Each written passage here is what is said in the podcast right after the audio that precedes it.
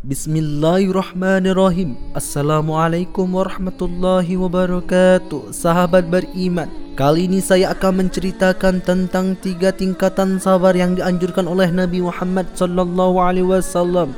Tapi sebelum lanjut video ini, jangan lupa subscribe, like, comment dan share. Tonton video ini sampai akhir biar tidak sesat. Allah Subhanahu wa taala memerintahkan kepada semua umat muslim untuk bersabar dalam menjalani kehidupan di dunia. Seringkali manusia diberikan ujian, tetapi ujian yang diberikan sebenarnya tidak terlepas dari batas kemampuan umatnya. Selain itu, umat muslim juga dianjurkan untuk bertakwa kepada Allah. Sabar dalam maksud ini adalah untuk menahan diri dari maksiat dan tetap sabar kepada Allah Subhanahu wa taala. Seperti firman Allah dalam Quran surat Al-Imran ayat 200 yang berbunyi Ya ayyuhallazina amanu sabiru wa sabiru wa rabitu wattaqullahu la'allakum tuflihun. Artinya hai orang-orang yang beriman bersabarlah kamu dan kuatkanlah kesabaranmu dan tetaplah bersiap siaga dan bertakwalah kepada Allah supaya kamu beruntung. Quran surat Al-Imran ayat 200 sabar bukan perkara yang mudah untuk dilakukan. Akan tetapi Allah akan memberikan ganjaran yang setimpal bagi orang-orang yang sabar. Sebab Allah sangat mencintai orang-orang yang sabar. Ada tiga tingkatan sabar yang dianjurkan oleh Nabi Muhammad sallallahu alaihi wasallam seperti dalam kitab As-Sabru wa Sawab alaihi Syekh Ibn Abid Dunya mencantumkan sebuah hadis riwayat Sayyidina Ali bin Abi Talib. Rasulullah sallallahu alaihi wasallam bersabda Sabar ada tiga tingkatan Sabar atas musibah Sabar dalam menjalani ketaatan Dan sabar dari laku kemaksiatan.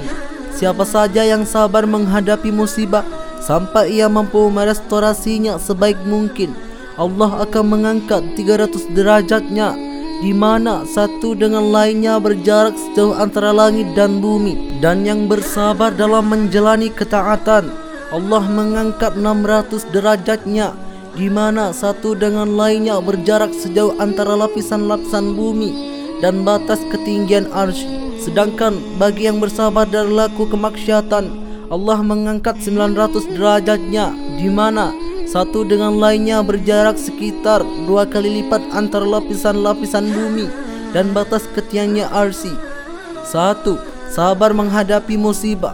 Seperti yang telah diketahui sebagai umat muslim, takdir Allah ada dua macam, yaitu takdir yang menyenangkan dan yang tidak menyenangkan atau musibah. Bagi siapapun yang mendapat takdir baik, maka hendaklah bersyukur. Tapi bagi yang sedang menghadapi musibah, maka hendaklah bersabar. Nasihat bersabar dari Rasulullah saat menghadapi musibah dapat dipelajari dari hadis yang diriwayatkan oleh Anas bin Malik. Beliau berkata Nabi SAW pernah melewati seorang wanita sedang menangis di sisi kuburan. Lalu beliau SAW bersabda bertakwalah pada Allah dan bersabarlah. Kemudian wanita itu berkata Menjauhlah dariku Sesungguhnya engkau belum pernah merasakan musibahku Dan belum mengetahuinya Kemudian ada yang mengatakan pada wanita itu bahawa orang yang berkata tadi adalah Nabi sallallahu alaihi wasallam. Kemudian wanita tersebut mendatangi pintu rumah Nabi sallallahu alaihi wasallam. Kemudian dia tidak mendapati seorang yang menghalangi dia masuk pada rumah Nabi sallallahu alaihi wasallam. Kemudian wanita ini berkata, aku belum mengenalmu. Lalu Nabi sallallahu alaihi wasallam bersabda, sesungguhnya namanya sabar adalah ketika di awal musibah.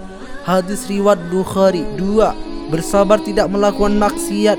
Setiap saat seorang muslim pasti selalu mendapatkan godaan dari makhluk yang terlihat nyata ataupun makhluk yang gaib untuk melakukan maksiat, baik itu perbuatan dosa kecil maupun besar.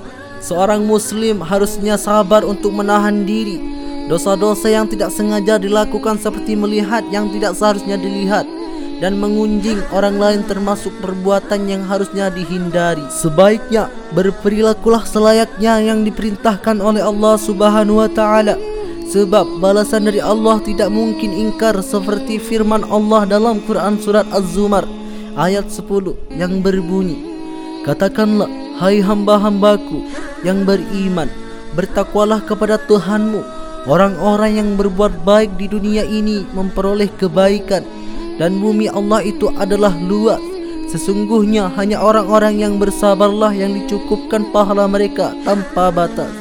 Quran Surat Az-Zumar ayat 10 3.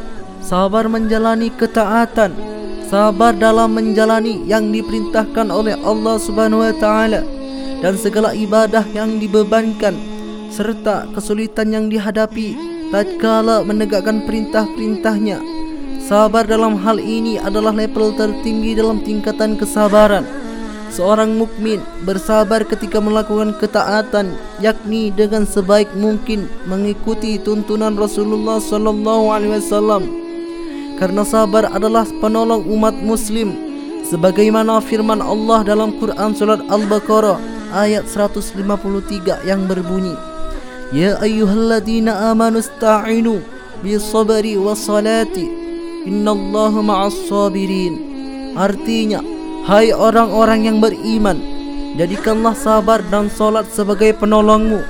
Sesungguhnya Allah beserta orang-orang yang sabar. Quran Surat Al-Baqarah ayat 153 Wallahu a'lam bissawab. Assalamualaikum warahmatullahi wabarakatuh.